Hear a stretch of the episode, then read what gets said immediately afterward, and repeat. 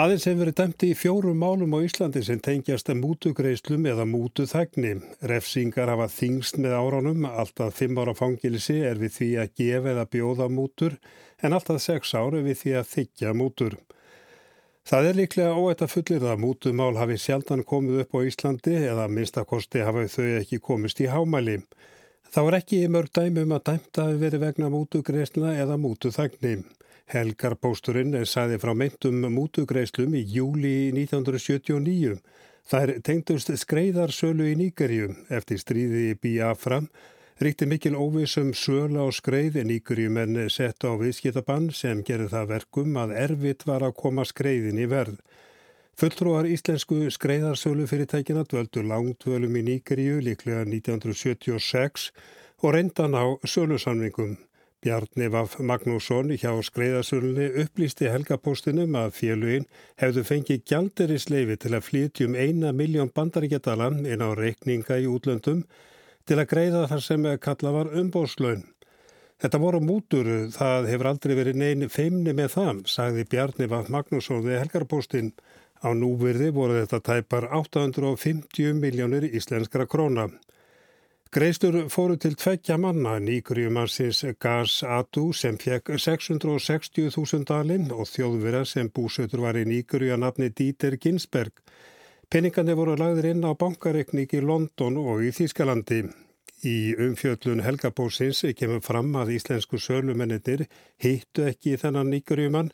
Hann hafi líklega ekki komið mikið nára skreið en verið leppur í viðskiptunum. Að öllu líkitum hafi peningarnir borist í hendur ekvira annara.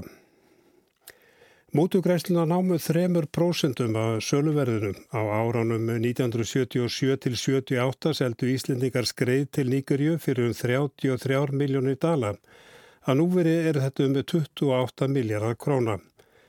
Helgarpósturinn sagðist hafa örugar heimildi fyrir því að Ólafur Jóhannesson þá er enda viðskiptar á þeirra Starsmönum hans og bankastjórum útveðsbankans og landsbankans hefði verið kunnut um þetta og gerð grein fyrir því að þörf væri á gjaldirisvæslu upp á 100 miljónir til þess meilinis að greiða mútur.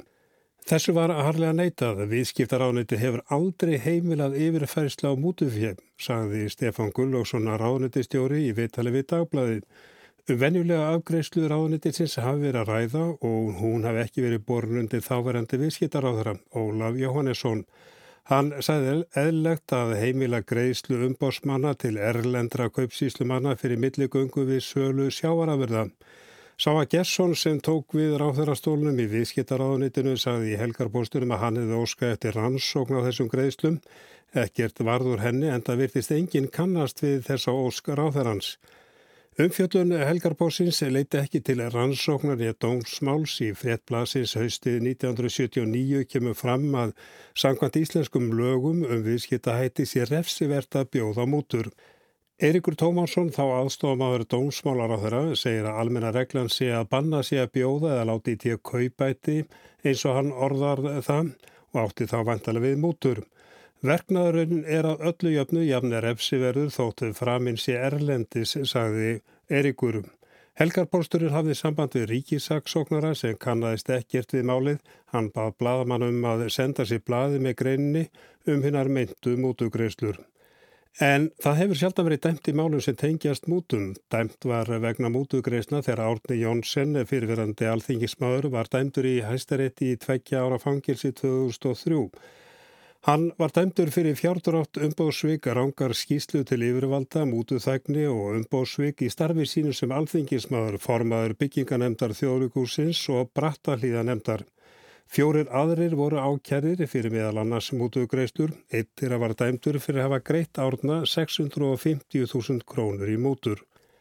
En hver er lagaraminu mútur í íslensku lögum? Þórti Singatóttir dósend í lögfræði við Háskólan í Reykjavík segir að í íslenskum hegningarlögum sé mjög skýrt ákveðu um að það sé bæði bannað að gefa mútur og þykja. Ákveði er frá árunnu 1940 en þá var fyrst og fremst verið að hugsa um embætismenn. Þú talar um að þetta hef verið allt frá árunnu 2000, nei, 1940 en var ekki þá bara verið að einblýna á embætismenn? Jú, þá er fókusin á embætismenn og íslenska embætismenn hér innanlands en þessi ákveð hefur tekið bara svolítið breytingum í áranar ás og það hefur bara fyllt þeirri þróun að við höfum Íslands stjórnvöld hafa fylgilt eh, fjölda alþjóða samninga um, sem varða mútur og þeim samningum var ekki síður alltaf að taka til að bjóða mútur, íslenski þegnar var að bjóða mútur Erlendis Hún segir að ákveðinu hafi verið breytið 2003 á þann veg að það tekur líka til brota erlendis, síðar hafi komið inn ákveðum útur sem bánar eru erlendur fyrirtækjum. En hver er refsiraminn? Hefur hann breystið meðal annars vegna þrýstings frá erlendum eftirlistofnunum? Jú, nákvæmlega svo segir. Þetta er svona, það er mikill þrýstingur frá þessum erlendu eftirlistnemdum svokalluðu Það má eiginlega segja að alltíða samningar á þessu sviði liggi á þremu stöðum og Ísland hefur fullgilt alltaf þá sáttmála. Það er fyrsti samningurinn sem var samþýttu 97 og gildi hér á landi 99 hjá efnahags- og framfarastofnunni sem beinir sérstaklega að, að bjóða mútum erlendum embatsmennum og, og svo nefnd hefur gert fjölda útæktir hér á landi og svo er það annarsetta samningum hjá Evrópuráðinu og þeir samninga tóku gildi hér hérna árið 2003 og það eru líka eftirlýsnefndu þar virkar sem eh, koma hinga til lands og taka út lagaramann hér. Og síðan ekki síst þá er nefnd, spillinga nefnd saminu þjóðuna og sá samninga tók gildi Gagvart Íslandi árið 2011 og svo nefnd hefur líka gert aðtóðsömdir eða ábettingar um, um að bæta regluverki hér. Og allar þessar þrjár eftirleits nefndir hafa meðal annars eins og segir bent á refsiramann og upphaflega í þessu ákvæði frá 1940 sem ég nefndi þá var refsingin að, að gefa lofað að bjóða mútur það var, var þrjú ár en það var hækkað út af þessari eins og segir ábendingum erlendraðala í fjögur ár árið 2013 nú og svo aftur í fimm ár í fyrra, þá svo refsiramin fyrir það er orðið fimm ár en varandi það að þykjamútur það er sex ára refsirami þar. En hvers vegna er þingri refsing við því að þykjamútur en að greiðamútur? Sérstaklega það hann að verið svona kannski svör íslenskra stjórnvalda til þess að nefnda þegar þeir hafa réttlega þennan mun að þeir telja það mun alvarlegra þegar til dæmis aðalar í ómbyrgstarfi þykjamútur heldur en hérna, heldur en að eitthvað sé að bjóða þeim mútur en þú sér samt að þetta er að þessi refsirama er að renna saman, hann er að verða sambarlegur. En skiptir að máli að þingina refsirama til dæmis í fimm ár? Já, þessi þinging í fimm ár í fyrra, hún hefur kannski, hún hefur talsverð miklar aflega hvað var það fyrningu. Því því að refsiraman orðin fimm ár þá breytast hérna fyrningareglunar. Svo fyrir brot sem varða fimm ára, geta varða fimm ára refsingu, þar er fyrning þeirra brota er tí ár í staðan fyrir fimm ár. Svo það er ansið stór breyting sem varða því. Eftir því sem næstu veru komist hefur aðeins verið dæmt í fjóru málum sem tengjast mútum. Fyrsta málið sem er þekkt mun hafa tengstu ölfunanakstri og sá ölvaði hafi reynda að bera í löðrugluna fér til að sleppa. Þórti segir að þetta sé vissulega fá mál. Sko lagaramin er mjög skýr og á sér langa sögu en á sama tíma eins og segir þetta er þetta örfa mál það má segja kannski að það er kannski svona fyrsta máli í tíu þessara hefningalaga er frá 44 og síðan kemur annar dómur 86, svo 2002 og svo einni fyrra.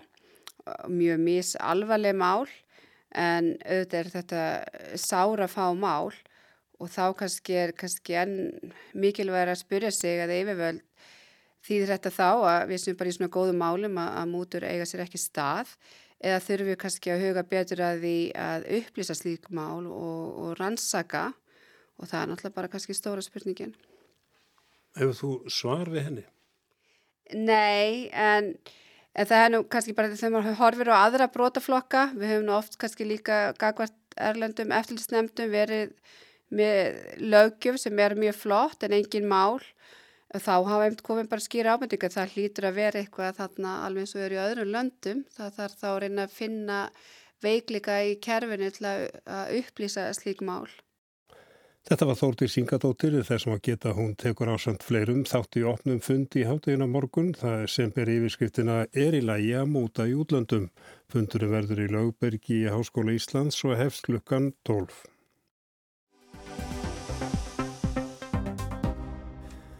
Íslenska barnabótakerfi er sérkynlega útfærð fátaktarhjálp, það er flókið og erfitt að greina í því heilstæða hugsun. Þetta er niðurstaða skýslu sem Kolbjörni Stefánsson, doktor í félagsfræði, vann fyrir BSRB og var kynnt í morgun. Framkemur að barnabóta kerfið hér stingi stúfi kerfi annar staðar á Norðurlandunum því það gagnisnær engungu tekjulegstu fjölskyldunum. Arnildur Haldunadóttir rætti við Kolbjörn. Niðurstaðan er svo að þetta er láttekju miðað kerfi, þetta gagnast eiginlega bara tekjulegstu hópunum og jafnvel þá fólki sem er með undir lámastekjum. Er þetta kerfi að einhverju leiti sérstakt ef við horfum bara á önnur bótakerfi á Íslandi eða sverða sig bara í ætt við þau? Eru, eru markmiðin svipuð? Það sverð sem mjög ætt við bótakerfi almennt á Íslandi. Íslands bótakerfi er almennt frekar láttekjumiðuð. Markmiði er alltaf að beina fjármjörnum af þeim sem að hafa minnstamilli handana Eh, sem er í sjálfsög bara gott og guðt markmið en það kannski það sem er kannski sérkennið er að skerðingamörk líkja alltaf mjög lágt og, og skerðingar hlutföllin eru yfirleitt há. Þannig að eins og í dæmi með barnabætur uh, þá er byrjað að skerða bætunar bara fljóðlega þegar komið upp fyrir lagstu laun fyrir fullt starfa almennu markaði uh, og þegar komið upp í kannski vístölu fjölskyldu uh, par með tvö bönn Þegar svolítið fjölskylda er komin upp í, í meðalatuntekið þá er búið að skerða í burtu allar barnabætur. Ef við setjum þetta sammikið við Norðurlundin þá er það til dæmis þannig að, á hinnu Norðurlundinum fyrir utan Danmörku eh, eru barnabætur einfallega bara flatar upp það er óhauð tekjum. Eh, Danmörku eins og Ísland er líka með, með tekjutegna barnabætur eh, en þá þannig að bæði líka skerðingamörkin miklu herra í tekjudreyfingunni og skerðinga hlutfalli er umtalsværslegra. Markmiðið með íslenska kerfinu sé að styðja við allra tekjulegstu fjölskyldurnar þannig að það sé minni munur á stöðu þeirra og efnameri fjölskyldna. Sama hugsun sé vel í því danska kerfinu en þar nái bæturnar til mun breyðari hóps. Í Finnlandi, Svíþjóð og Noregi sé markmiðið ekki að jafna stöðu ólíkra tekjuhópa heldur ólíkra fjölskyldugerða. Með bótunum eigi að koma til móts við þann kostnað sem barnegnir hafi för með sér fyrir fólk almennt. Fólk hafi þá svigrum til að velja hversu mörg börna vilji eignast og það eigi að ítundir frjósemi.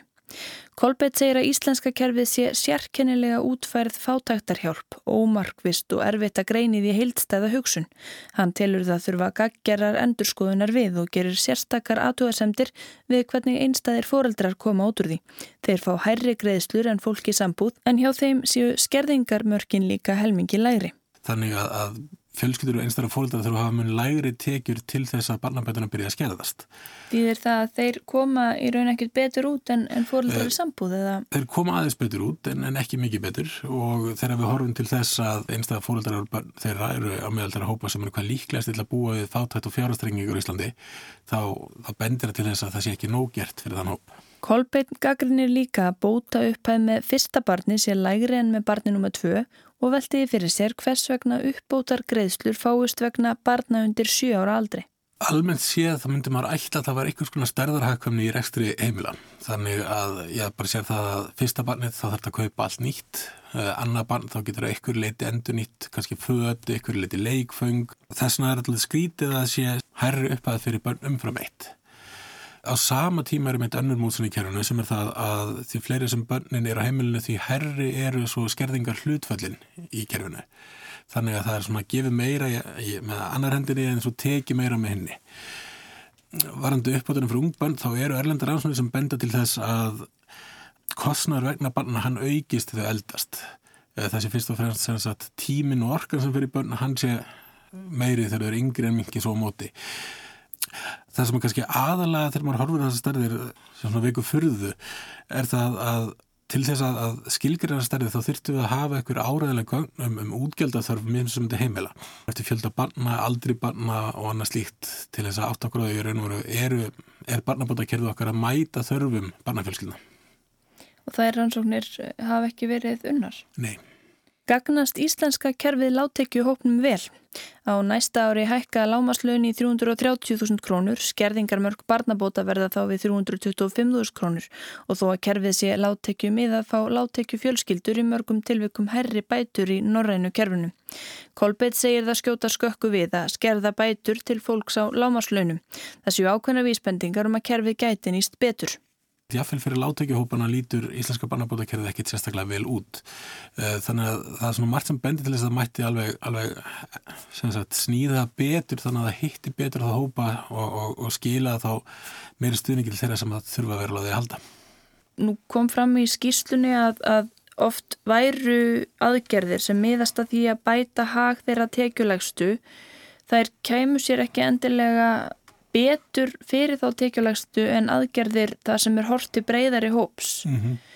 Væri þá betra að færa kerfið um eitt nær því sem er í, í Danmörku þar sem maður sér sko að þegar að fólk er svona í meðaltekjunum það er þar sem að, að þetta fyrir að skerðast og, og frekar svona afliðandi hallið, þetta er svona danst fjall mm -hmm. með að við að, að skerðingin hér er svolítið brött og byrjar bara strax þegar að fólk er komin með 30% af meðaltekjum tvekja fyrirvinna. Þannig að væri hægt að horfa til danska kervisins? Uh, ég held að það væri vel hægt og þetta íslenska kerfi er náttúrulega aldrei svona ódýrar útgáðan af því. Um, það er svona þekkt í rannsónum á velferðamálum að um, velferðarúrræði sem að beinast fyrst og fremst að fátæku fólki, uh, þau hafa tilhengla að vera fátækleg úrræði og það liggur dálitið í því að ef að, að millitjættin og milltekihópanir eigi ekki hlutild í kerfinu eða úrræðinu eh, þá hafa þeim í takmarkaðan áhuga á því. Þannig að það eru rauk fyrir því að, að upp að það að viðhalda upplöfu barnabútakerfi þá væri mjög heppilegt að allum þess að fara danskuleðina. Hvort að, að það sé svo endilega gott eða eskilegt, það er auðvitað eitthvað sem að fólk mun hafa ólíka skoðanur á eftir, eftir sínum pólitísku samfæringum væri að þínum að þetta er æskilegt að afnema tekjutenginguna og færa þá kerfið nær því sem er í Svíþjóðu, Nóri og, og Finnlandi? Ég hef ekki neina sérstaklega sterkast skoðun á því. Mér finnst verið að vega mikilvæg góður auk fyrir því til dæmis að, að hátekki fólk þurfi ekki að, að fá óskertar eða, eða fullar barnabætur. Við erum að taka þá úr samhægulega sjóðum og þetta sínst um forgámsum verkefna.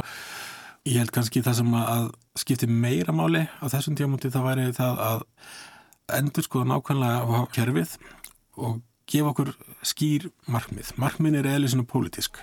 Uh, segi, það er ekkit að því að við láti ekki með barnabótakerfi. Það er heldur ekkit að því að vera með barnabótakerfi sem að miður fyrst og fremst að því að jafna lífskjör á milli barnafjölskyldna og, og annara. En það þarf að vera skýrt hvort markmiðið eða hvaða vægi þessi markmiðið að hafa í svona kerfi og svo þarf við að byggja þá á áræðulegum og tröstum gögnum um það hver útgjald að þurfin er. Um, Á Íslandi er barnafáttat frekar vandamál sem er bundin við afmarkað hópa, einstaklega fóröldur á börnin þeirra, eh, öryrkja á börnin þeirra eh, og fyrir utan svona hópa þá er þetta ekki, ekki stort vandamál. Eh, þannig að, þá finnst manni að það ætti að vera hægt með að til dælu auðveldur hátt að snýða kerfi sem að myndi hitta betur á þá hópa sem að þurfa styrnum að halda. Hvað myndur þú leggja til? Hvers konar breytingar myndur þú leggja til til þess að bæta þetta kerfi? Þetta er nefnilega eitt sem myndum bara taka í kerfinu eins og það er í dag eina aðgerð sem að myndi sennilega hafa verulega áhrif á barnafátækt, þá væri það að færa skerðingamörk barnabóta einstaklega fóreldra upp að skerðingamörkum fóreldra í hjúskap. Það myndi hækka tekjur nokkuð margra heimila einstaklega fóreldra með látekjur. Þetta var Kolbjörn Stefánsson, Arnildur Haldunadóttir talaði við hann.